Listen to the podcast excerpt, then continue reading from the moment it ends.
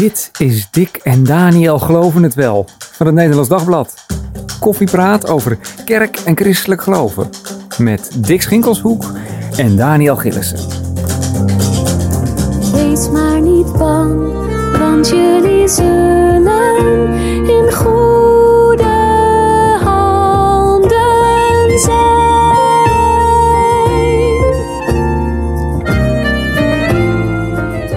welkom bij deze podcast. Dick en Daniel geloven het wel.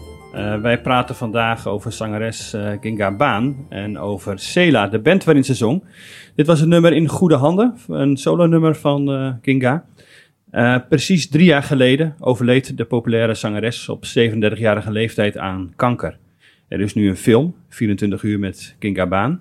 En ehm ze is er tijdens een van haar laatste optredens eh, voor publiek 24 uur gevolgd door eh, filmmaker Willemijn Goos. En eh, er is ook nog een biografie verschenen, Kinga Baan, Een Leven. En auteur daarvan is kunstcriticus en muziekliefhebber Johan Bakker. En hij is hier. Welkom eh, Johan. Dankjewel. Een film en een biografie. Wat is zo eh, bijzonder aan Kinga Baan? Wat vooral heel bijzonder is, hoe mensen op haar gereageerd hebben. Wij kennen Nederlanders als een heel nuchter eh, volkje. Ja. En eh, dat geldt zeker ook voor het eh, protestantse gedeelte van Nederland. Dat niet alleen nuchter is, maar ook nog behoudend. En dan is het heel bijzonder om te zien hoe mensen op haar hebben gereageerd. Op haar muziek. of zo, bedoel je? Of dat is anders dan... Dat met name toen ze, toen ze ziek werd, dat ze toen, toen min of meer als een heilige werd gezien door een hele grote aanhang. Het, wa- het was echt een grote aanhang. Als je kijkt naar, naar haar meest succesvolle liedjes, die hebben echt miljoenen views op YouTube. Dat, dat gaat om aantallen, daar, daar staat je verstand bij stil. Ja. En dat is ongekend wat zij, wat zij heeft betekend eh, voor, voor het, eh, de protestantse wereld. ja. Ze kreeg net een soort eh, protestantse sterrenstatus of zo. Kun je dat zo, zo zeggen? Zo zou je het zeker kunnen zeggen, ja. Ja, ja. Ik zag ergens een, een krant die haar vergeleek met Marco Borsato. Nu is het in deze tijd misschien even een beetje uh, not done. Maar ze werd inderdaad de christelijke Marco Borsato eh, eh, genoemd. Zo Dat- populair dus. Nou, in ieder geval, de, de stijl leek er ook wel een beetje op, zou je kunnen zeggen. Maar ze, ze werd door haar eigen man ook eh, de Nederlandse, of de christelijke Marco Borsato genoemd. Mhm. Door haar eigen man. Door haar eigen man, ja, dat was een van de mensen die, die zei, eh, ja, haar muziek lijkt op die van Marco Borsato. Aha. En ze, was ook, ze wilde ook heel graag poppy klinken. Ja. En dat, eh, dat, dat werkte dus. Dat sloeg aan. Ja, hoewel ik betwijfel of ze echt zo poppy was. Want ik, ik vond Mm. haar eigenlijk, eigenlijk te goed om haar een poppyzangeres eh te noemen. Wat bedoel je daar dan precies mee? Nou, ze, Ja. ze, beheerst, ze zo ontzettend veel stijlen. Dat moet ik ook toegeven dat ik dat tijdens mijn onderzoek pas, pas ontdekt heb. Dat, dat ze Mm. zo veelzijdig was. Ik kende haar ook vooral van Cela. En toen ik haar solo-cd's ging beluisteren... en daarnaast ook nog allerlei andere materialen kreeg, eh, kreeg toegestuurd... dus van, van, van opnames die nooit op cd zijn verschenen... toen viel ik echt van mijn stoel van, van de kwaliteit daarvan. Ze zong zelfs jazz, ze zong hip-hop... Ze, of ze zong, ze zong eh, house, ze zong... Je kan het zo gek niet verzinnen of ze zong het. Oké. En ze is, want ze is vandaag, hè, we nemen dit op op 6 mei, eh, vandaag drie jaar geleden overleden. Hoe kwam jij in, eh, op het idee om een, eh, een biografie te schrijven?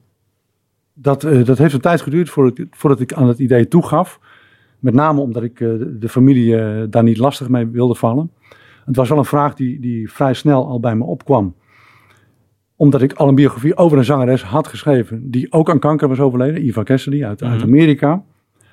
Dat was best ingrijpend om dat onderzoek te doen. Want ik moest daarvoor naar Amerika.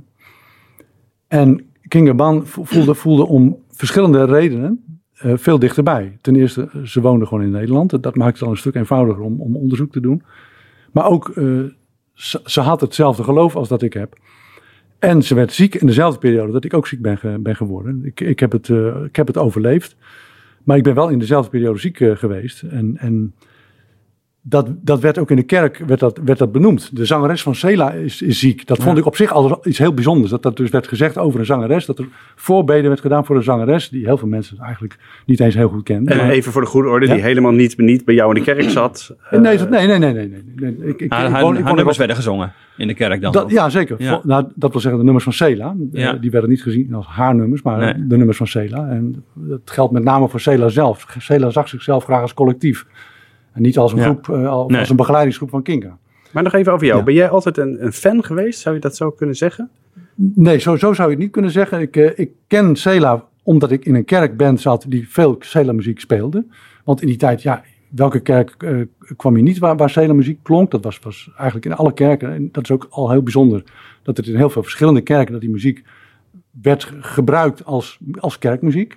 Ja, precies. Dus als je dus niet, eh, wat is het, in, niet in een kerk zit met, waar alleen psalmen worden gezongen, of niet in een kerk eh, met een hele hoge liturgie, zeg maar, dan kom je al snel met muziek van Seda in Dat, aanraking. dat klopt. Dus, dus, dus ik kwam bij in aanraking doordat ik muzikant was. En nou, toen dus voorbeden voor haar werd gedaan, toen ben ik me uiteraard wat meer erin gaan verdiepen. En toen wist ik, oh, dat is de zangeres van Sela. En zij is ziek. En, en in, de, in de pers werd, er- werd er veel over haar geschreven, althans de pers die ik dan onder ogen kreeg.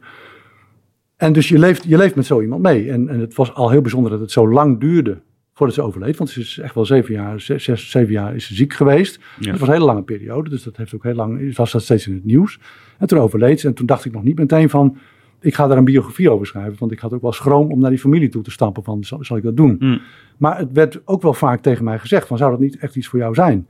En op een gegeven moment was het zelfs zo dat iemand die had dan kennelijk gehoord dat de familie wel op zoek was naar iemand die dat wilde gaan doen. En die zei toen tegen mij, Ja, nu als je namelijk wel, wat wil, dan zou je het maar snel gaan doen. Want, want anders, anders vis je gewoon achter het net. Ja. En toen heb ik een mail gestuurd. En toen heeft eigenlijk binnen één dag, heeft, want ik stuurde dat naar Kinga Music.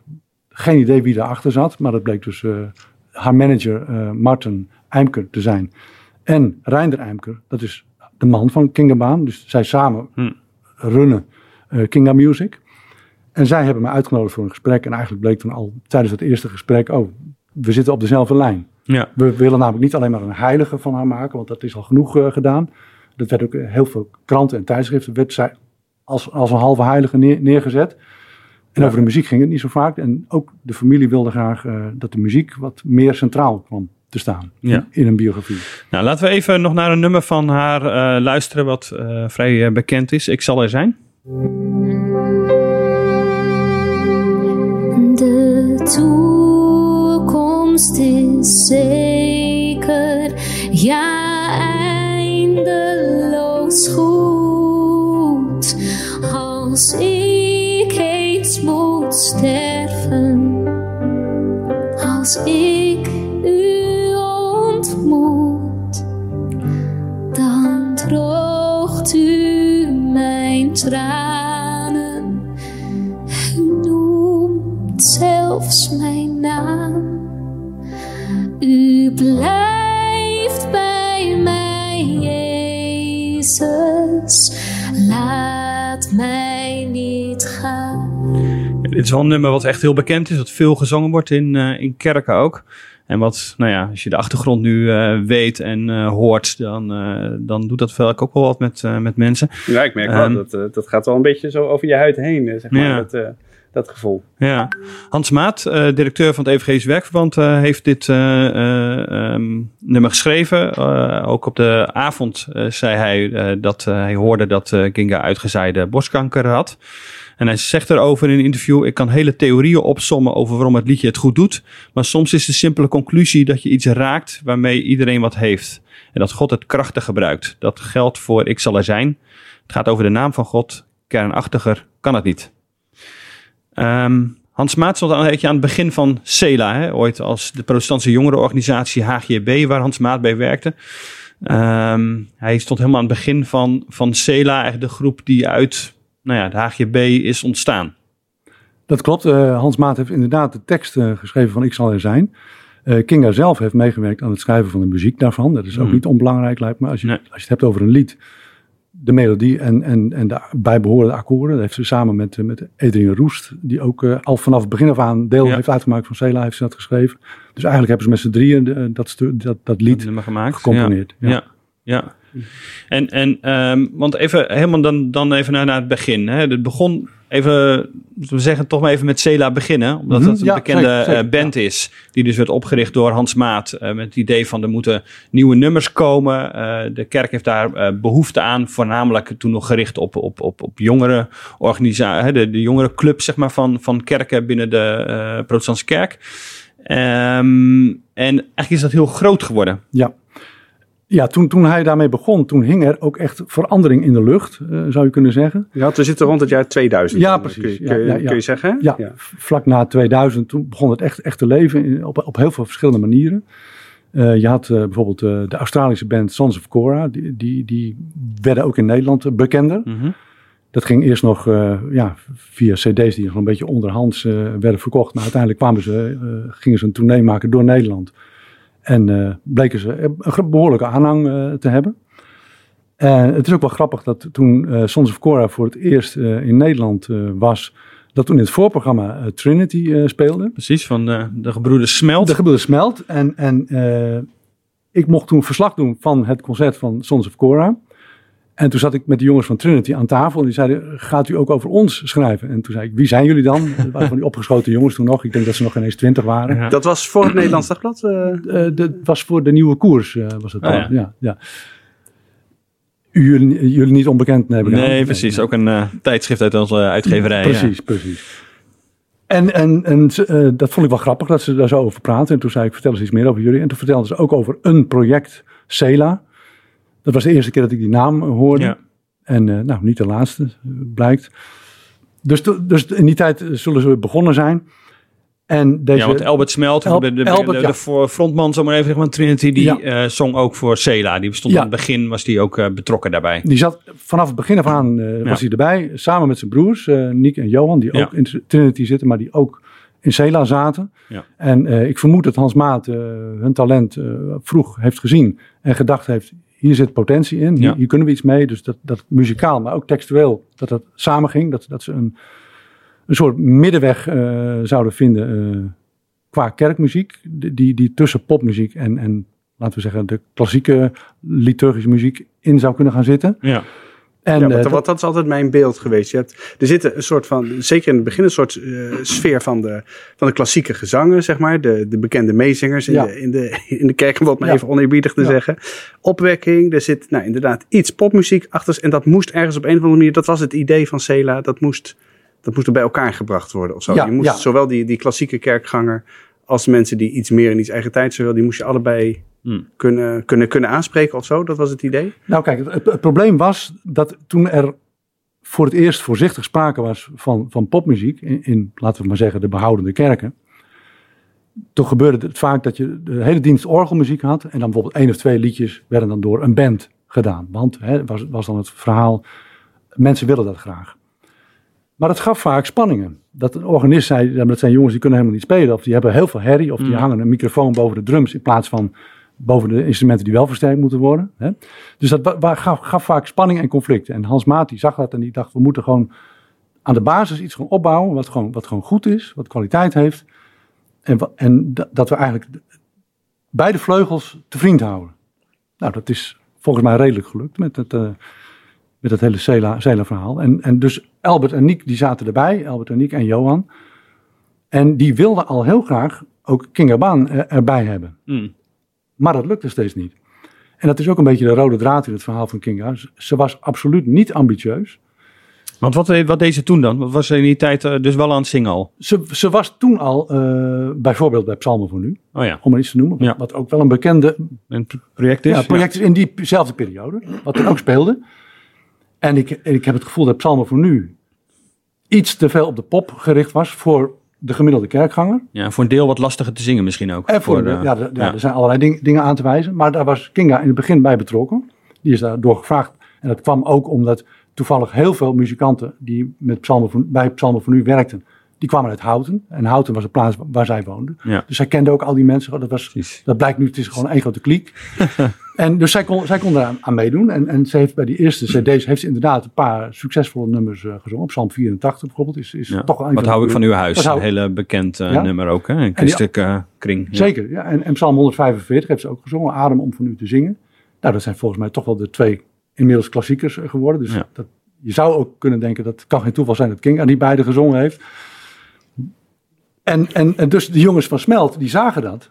En die zagen daar, die zagen daar gewoon een potentiële Hmm. eh, zangeres in, die, Ja. voor, die bij Cela zou moet- moeten Ja. komen zingen. Wat even voor mijn beeld. Ja. Eh, ze heeft geen, niet een heel erg eh, Nederlandse naam. Waar komt, waar, waar komt zij vandaan?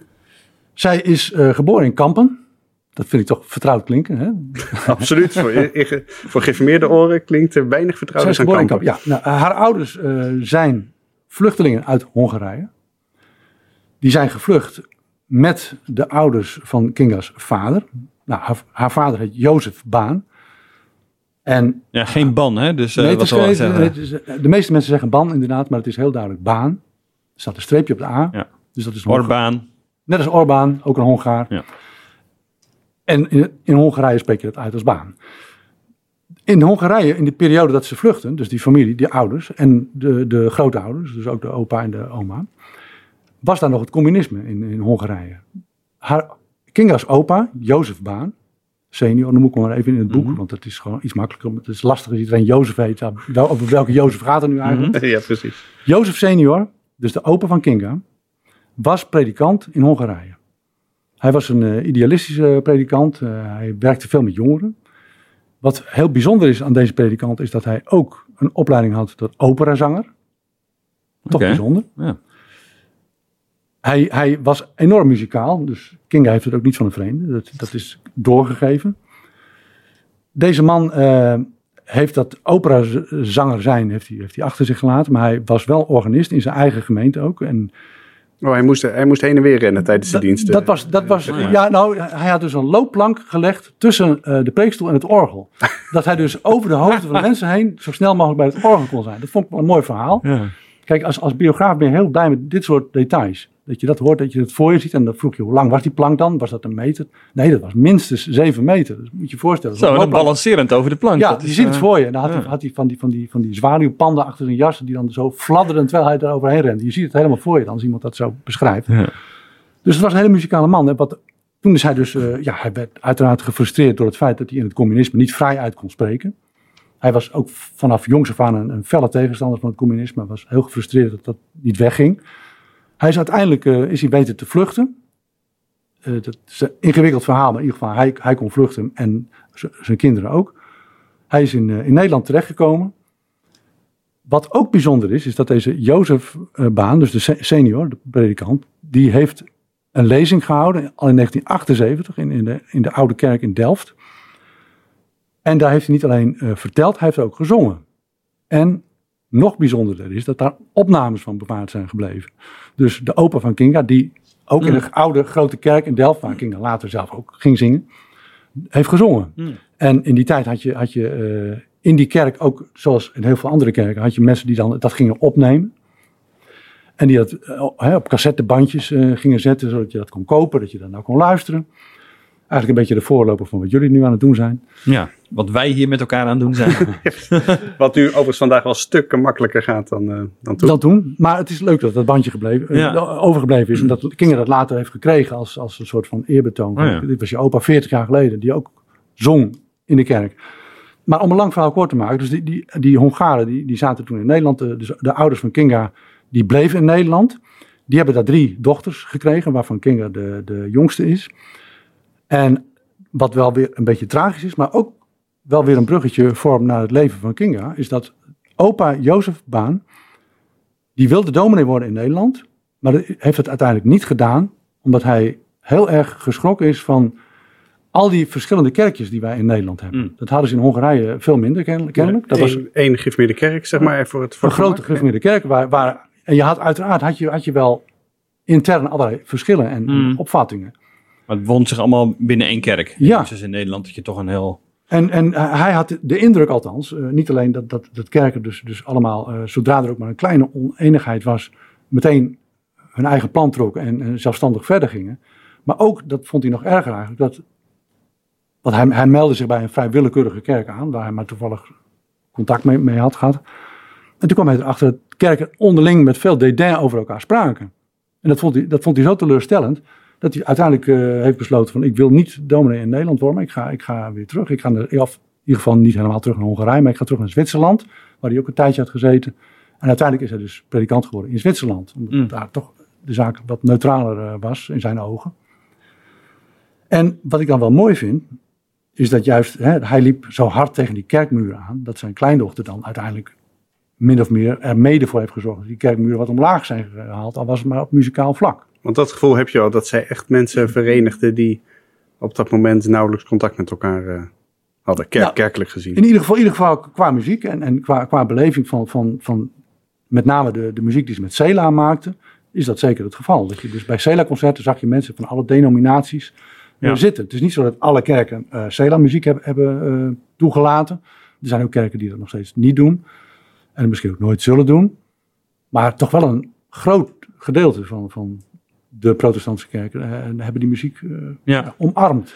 Want hoe kwam eh, Kinga bij, ehm eh, bij Sela terecht dan uiteindelijk? Dat lukte dus toch wel om haar over te halen om in die band te gaan zingen. Ja, nou, ehm, wat ik net zei, ze, ze, ze was dus totaal niet ambitieus. Overal moest ze voor worden gevraagd. Dat- Dat begon al op de middelbare school. Dat was een middelbare school die gericht was op, op muziek en theater. En toen moest ze echt worden overgehaald om auditie te doen voor een musical. Eén keer per jaar hadden ze dan een musical. De musical Cats was het in dit geval. En toen heeft haar leraar, die had het vermoeden dat ze beter kon zingen dan ze zelf toegaf. Die heeft haar echt, echt eh, opgeroepen, wil je alsjeblieft auditie doen. En dat heeft ze dat met tegenzin gedaan. Heeft ze, uiteindelijk heeft ze dat met vlag en wimpel heeft ze dat gehaald. En Hmm. toen was ze de ster van de avond. Ook zo- zo'n grote ster dat alle andere mensen die meededen stom verbaasd waren. Dat iemand uit hun midden zo Hmm. goed kon zingen. Dus ze was kennelijk ook nog heel bescheiden. Want ze etaleerde dat niet. Nee. En eh, bij Psalmen voor Nu werd ze ook min of meer meegenomen door de jongens uit Houten. Nou, Niek, Albert en Johan hebben eh Kinga horen zingen bij Psalmen voor Nu. Bij het eh, eerste concert van, van toen in Utrecht. Waar ze allemaal bij waren. Dat ze elkaar aankeken. Jongens, die zangeres moeten we gewoon hebben. Toen hebben ze de eerste Hmm. poging gewaagd. Nog een tweede poging. En uiteindelijk met een smoesje hebben ze haar gevraagd. Weet jij misschien iemand die het dan wel zou willen doen? En toen bleek net het moment daar te zijn dat ze dacht. Nou, misschien moet ik het maar gaan doen. En zo is ze dus bij, bij Cela gekomen. Ja, ja. En, en ze heeft eigenlijk eh, haar hele nou ja, leven verder met Sela verbonden geweest. Of ze ging ook voor zichzelf Ze ging, beginnen, een- zeg maar. ze ging ehm, laten we zeggen, eh, twee jaar voor haar overlijden. Toen, kijk, die ziekte heeft heel lang geduurd. Ja. Dus, dus eerst was de vraag, ja, hoe, gaan, hoe gaan we dit doen? Want ging, even- haar ziektebeeld, ging dat op en neer? Of was dat eh, duidelijk Nou, dat, het dat, was dat het een heel, heel, heel, heel agressieve vorm was? Het, het, het was wel zeker dat ze het niet zou overleven. Ja. Maar er, er viel heel weinig te zeggen over de lengte van haar Ja. Hoe lang, ja. hoe lang het nog zou duren. En toen kreeg ze een hormoonbehandeling. En dat sloeg behoorlijk goed aan bij haar. Ja. Zodat ze eigenlijk vier, minstens vier jaar min of meer klachtenvrij is Ja. geweest. Ja. Maar je wist nooit hoe lang dat duurde.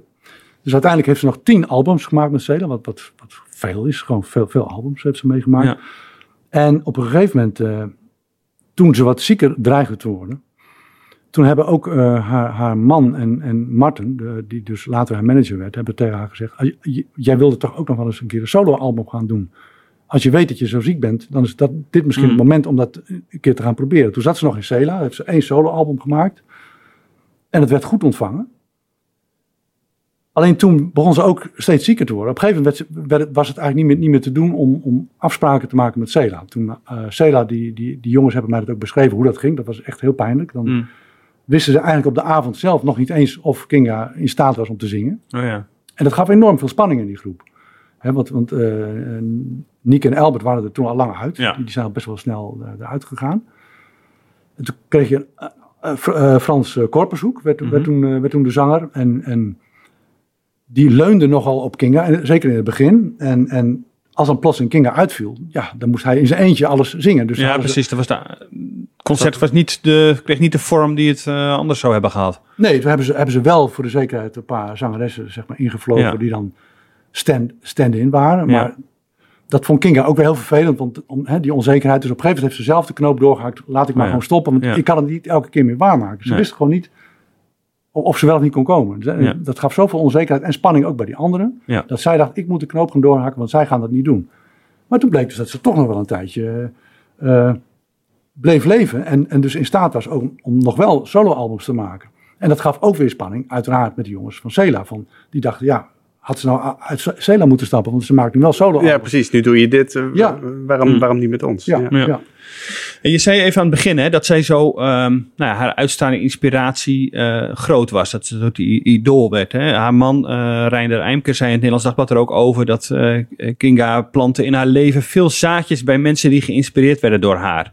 Nou, hij zei dat, dat bemoedigen en inspireren, dat wil ik ook met die biografie en met, met de film laten gebeuren. Op welke manier ehm, ja, was Kinga zo'n inspiratiebron voor mensen dan? Waar, waar, waar kwam dat door? Het begon eh, al voordat ze ziek was. Eh, eh, toen, toen ze in Cela kwam, was meteen duidelijk. want Cela had wel een beetje succes, maar toen zij erbij kwam, toen werd het pas echt een groot succes. Mm. Dat kan toeval zijn, maar dat, Jij denkt van niet? ik denk het niet. Nee, maar goed, eh, je, kan, je kan het niet terugdraaien. Je weet niet hoe het anders zou zou zijn Nee. gegaan. Ik Maar dat, maar dat is nog, nog muzie- eh, muzikaal, zou je Ja. kunnen zeggen. Maar dit ging echt ja, maar ook dit meer ging stukken verder. Ja, maar het was meer dan muzikaal. Want, want eh, wat, wat je bijvoorbeeld goed kon zien, was dat eh, Albert en, en Kinga, die toen samen aan, aan, aan de voorkant van Mhm. Cela stonden en die het gezicht van de groep waren, Ja. dat die zo enorm goed op elkaar reageerden, dat ze al improviserend soms door die muziek heen gingen. En dat, ja, dat raakte mensen gewoon heel diep. Dat, dat, die gemakkelijk, dat gemak waarmee ze zongen. Ja, dus toch die uitstraling was heel groot die, Die zij ja. samen hadden Ja. op het podium. En toen ging, toen ging eh, Albert eruit en toen, en toen werd ze ziek. En dat, dat raakte ook heel veel mensen. Ja. Toen kreeg je dus de situatie dat mensen ook naar haar, eh, haar concerten toe gingen om haar nog te kunnen zien. Want Ja. je hoort iemand heeft kanker. Dat klinkt heel erg. En dan ga je al naar zo'n concert met de gedachte, misschien is het wel de laatste keer dat ik haar zie. ja, precies. Maar je had ook mensen die, die waren zo ja, in de ban van Kinga, zou je kunnen zeggen, dat ze naar elk concert toe wilden gaan. Hm. En, je had, ze- eh, eh, en het werd, dat werd erger. Maar het kwam ook omdat zij heel goed, heel goed eh, met mensen eh, ja, kon communiceren. Ze, ze gaf mensen een veilig gevoel. En ze stond te zingen, hadden mensen echt het gevoel, eh, ze heeft het tegen mij. Dat, dat kon zij, als ze op een podium stond, kon ze Ja. mensen aankijken en zingen. Het werd heel persoonlijk. Het, ja, de mensen voelden het alsof ze, alsof ze ja, tot, tot, tot ieder individu hè, sprak. Ja. En, en, eh, en, dat, en dat raakte mensen. En toen, ze, en toen ze zo ziek was, toen kreeg, toen kreeg ze iets, bijna iets bovenmenselijks ook voor die mensen. Van, van, omdat ze ook die ziekte eh, benoemde op een gegeven moment. Op een gegeven moment ging ze lezen, ging ze Psalm 73 voorlezen. Hè, van, van al, al bezwijkt mijn hart, al, al, al, al brokkelt mijn lichaam af. eh, de rots eh, van mijn bestaan is God. En, en ja, als je dan met dat soort teksten aankomt en, en je staat daar nog. Dat maakt gewoon in- indruk op mensen. Ja. En, en ze deden het op een hele authentieke manier. Niet, niet, niet, eh, niet bedacht. Niet van, oh, ik ga dit inzetten als, als, als, als, als, als middel om, om te evangeliseren. Nee, ze, ze, deed, ze was van nature een heel spontaan iemand. Dus als ze iets deed, dat deed ze uit haar hart. En ik denk dat, dat, mensen, dat mensen dat herkenden. Want, eh, want dat was ook echt haar eigen, haar eigen gevoel op, op, op dat moment. Bedoel, je zegt dat was, dat was authentiek, zo was, zo was ze ook echt. Maar je zou je ook goed kunnen voorstellen, goeiedag, als je dertig bent en je krijgt zo'n bericht. En je moet zo, eh, zo jong, je moet afscheid nemen van, van iedereen van wie je houdt.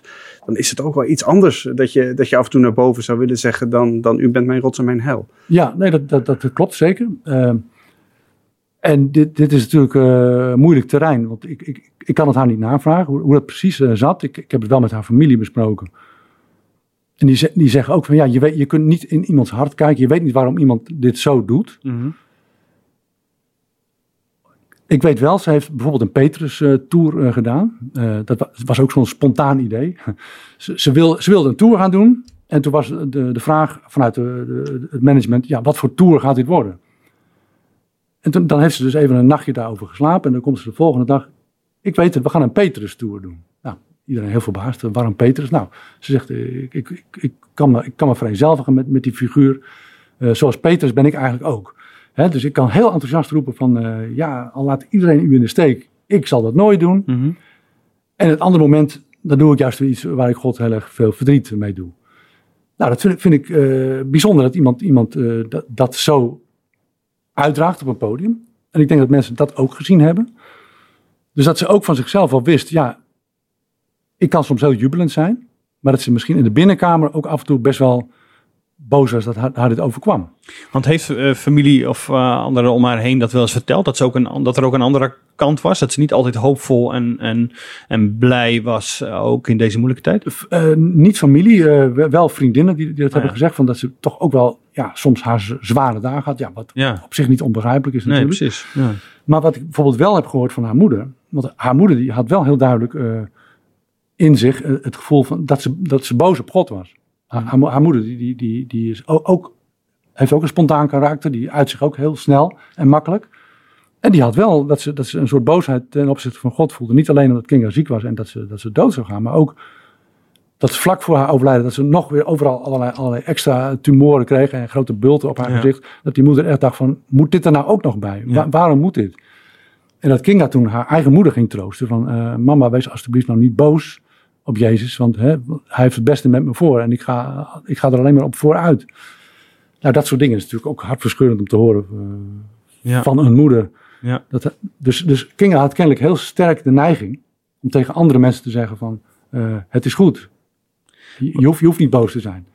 En je hebt daarmee niet het, het gevoel, als je het allemaal zo van, van mensen hoorde die je over haar gesproken hebt, dat ze daarmee ook zichzelf eh, misschien ook wel, wat is het, moet, moet, moet inpraten, dat haar eigen twijfel misschien wel eh, probeerde eh, nou ja, een, een hak te zetten. eh, dat Dat, ja, dat heeft niemand tegen mij gezegd, maar het is wel een gedachte die wel mij ook bezighoudt. Inderdaad, dat dat, dat, dat zeker geen, geen dat, het, ja, dat het niet ver gezocht is om, om het zo te, zo te formuleren. Ik denk ook dat het past bij die figuur van Petrus, dat je op een podium staat, hè, in oog in oog met je publiek, en dat je dan zegt, ja, maar dan ga je ervoor. ik ga, er alleen Ja. maar, ik ga er toch alleen, alleen maar op vooruit. En als je dan weer terugrijdt, dat je alleen in je auto naar huis rijdt, dat je dan toch denkt, ja, en die kinderen dan. eh, hè, mijn dochter die zit straks in groep 8, die gaat, die gaat in een musical zingen, en dat ga ik niet meer zien. Nee. Dat soort dingen. Dat is toch Ja. vreselijk. Ja.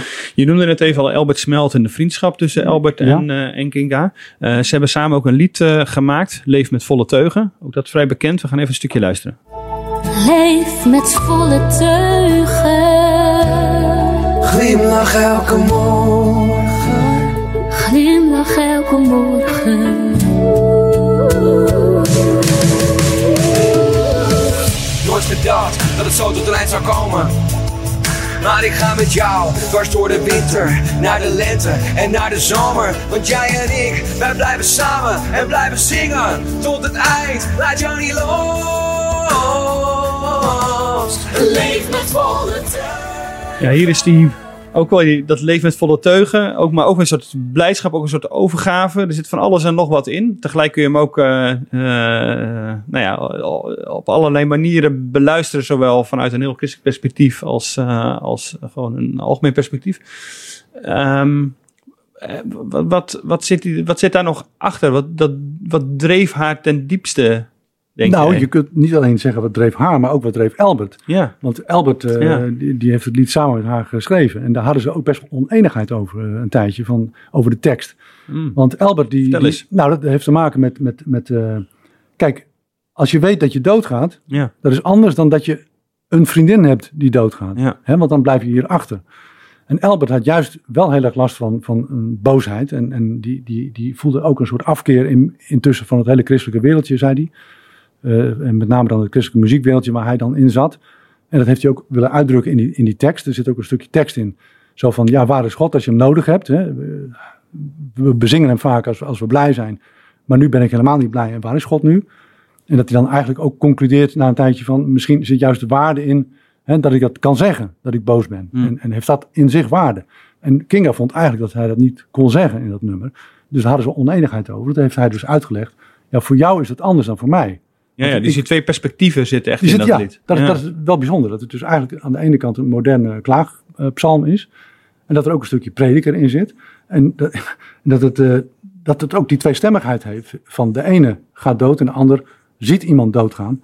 En toch willen ze elkaar hier, zolang ze hier zijn, nog even vasthouden. En ook wat ze allebei wel heel sterk hadden. In het moment blijven. We weten niet hoe lang het nog duurt, hoe lang, hoe lang we nog samen hebben. Maar we hebben gewoon een mooie tijd gehad. En we willen dat moment gewoon graag nog even vasthouden. Dat kunnen we eigenlijk alleen maar in een lied. Ja. ja. En hoe, hoe, op welke manier leeft eh, Kinga voort, eh, denk jij? Wat, wat, wat zullen we ook over ehm, tien jaar nog van haar weten, merken? Nou, het is natuurlijk wel heel erg mooi dat er zoveel muziek is overgebleven.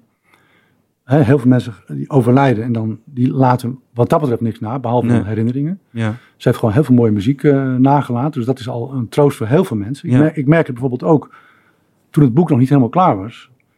Toen kwamen er telefoontjes eh, van mensen die zeiden: Ja, ik, ik heb iemand in de familie die niet zo lang meer te leven heeft, die wil toch wel heel graag lezen. Oh, echt? Hoe, hoe het ging over Kinga's leven, hoe kunnen we, hoe kunnen we daar een Ja. oplossing voor bedenken? Want we kunnen niet wachten tot de deadline. Dat maak je met een boek niet zo gek vaak mee. Nee. Nee, ik- de laatste keer dat ik het hoorde was met Harry Potter. Dus dat, is, eh, en dat ging dan over het laatste deel. Ja, hè, dat precies. Ja, dat heel graag mensen wilden weten hoe het afliep. hoe het afliep, ja. dus, dus wat dat betreft dacht ik van, eh, jongen, dit, dit gaat echt eh, goed met dit boek. Ja. Dus ik heb voor, toen voor, voor iemand die, die dat aan me gevraagd had, heb ik, heb ik toen het boek voor een gedeelte ook voorgelezen. Ik denk dat is het enige wat ik nog kan doen, voorlezen. Jongen. Want het Ja. was nog niet helemaal af. Eh, maar dat, dat, ja, dat, dat zijn natuurlijk wel effecten die, ja, waarvan je denkt, eh, zij betekenen echt heel veel voor mensen. Ja, dat zegt weer iets over die inspiratiebron die zij was voor mensen. Nou ja, dus kennelijk in voorbeeld. ieder geval voor mensen die ziek zijn. Ja. Want, want kijk, niet iedereen he- heeft dat blijmoedige. En, en denkt, eh, ik ben ziek en ik ga straks dood en dan ben ik in de hemel. Dat is niet voor iedereen weggelegd, die, die, ja, die bijna zorgeloosheid om daarmee om te gaan. Ja. Ja, bovennatuurlijk klinkt het af en toe. Hè? Dat Ja. is ook wel hoe je het, eh, hoe je het denkt. Je denkt zo, dit- hoe kan iemand dat nou zeggen in deze situatie? Ja, nou ja, die spanning zat er natuurlijk ook wel in. Ja. Want, je, want je hebt ook de andere kant van het verhaal. Ze heeft bijvoorbeeld ook vrienden die helemaal, die helemaal niet gelovig waren. En die, die zaten dan op haar begrafenis. En die hadden juist het gevoel dat door dat getuigenis over de hemel... dat zij eigenlijk geen gelegenheid kregen om te rouwen. Ja, ja. mogen we dan niet meer verdrietig zijn? Ja, precies. Mogen- mogen we er blij ook zijn. nog, eh, Ja. Nog Ja. missen, alsjeblieft. Ja, want, want ja, dat, die kant zat er ook ze- zeker in. Eh, want bijvoorbeeld op haar eigen begrafenis, eh, toen klonk ook haar eigen stem. Tot, tot verrassing van heel veel, inclusief haar moeder, die daarvan schrok uiteraard. Want dan staat er een band en plotseling hoor je de stem van, van je overleden dochter uit de speaker. Terwijl die band dat begeleidt. Wat natuurlijk heel ingrijpend is, maar dat, dat was wel iets wat Kinga zelf wilde. Ja. Maar ja, als je dan ongelovige vrienden hebt, die zitten daar ook in die dienst, die voelen zich daar ongemakkelijk bij. En die zeiden van, ik had wel iets meer willen horen over Kinga, hoe ze was als persoon. Dat Ja. had mij meer getroost dan, jongens, wees maar vooral niet verdrietig, want ik, ik heb het nu beter. Ja. Dus die twee kanten zitten er gewoon eh, wel in. Die komen ook steeds eigenlijk wel weer, weer terug. In zo'n lied met Albert Smelt, maar ook eh, zo'n eh, begrafenis. En die zit ook wel in jouw boek, die, die spanning. Die, die er eigenlijk rond, ook rond het leven van Kinga Baan dan eigenlijk is. Ja, want je hebt, ik heb me natuurlijk wel afgevraagd, wat is nou de functie van, van een biografie? Ik ben niet een verlengstuk van Kinga. Ik, ik ben niet iemand die, die, eh, die haar, haar boodschap door moet geven. Dat, dat is niet eh, waar, ik, waar ik een boek voor, voor schrijf. Ik probeer wel erachter te komen. Wat, heeft iemand, wat drijft iemand? Hè? Wa- Waarom heeft iemand gedaan wat, wat hij gedaan heeft? En hoe, hoe is dat zo gegaan? Maar, maar niet, ik ben geen verlengstuk. Dus dat Nee. is toch wat anders. Eh, zij had haar eigen getuigenis. Ik hoop dat dat getuigenis voldoende naar voren is gekomen. Nou, als ik, dat, als ik Reinder zo beluister, dan is dat gelukt. Ja. Daar ben ik heel blij mee uiteraard. Want dat wisten we niet van tevoren, dat, dat hij het eh, mooi zou vinden. Ja. Wat moeten we onthouden van Kinga Baan, tot slot? Dat ze een veel veelzijdiger zangeres was dan je zou denken als je alleen maar Sela kent.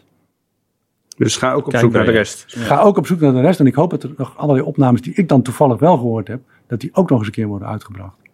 Want er is nog heel veel moois wat op ons wacht. Nou, dan eh, gaan we dat eh, horen als dat, eh, als dat komt. De documentaire 24 uur met Kinga Baan is in verschillende bioscopen te zien. En ook vandaag, dus 6 mei, haar sterfdag, online te bekijken via kingabaan.nl, dus ban.nl. Ehm, het boek van eh, Johan is eh, bij Arc Media eh, te verkrijgen. Te verkrijgen in diverse boekhandels en ook op kingabaan.nl eh, te verkrijgen. Lees ook het interview met Reinder Eimker, haar man, in het Nederlands Dagblad. Vind je het leuk ook wat, je, wat wij doen? Kijk ook daarvoor een abonnement. nd.nl slash abonnement. Bedankt voor het luisteren en tot de volgende keer. Dag.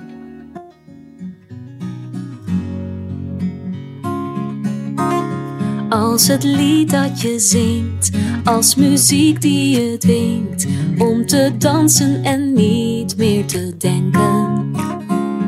Als de snaar die je raakt, elke tel, elke maat, zo zal ik bij je zijn.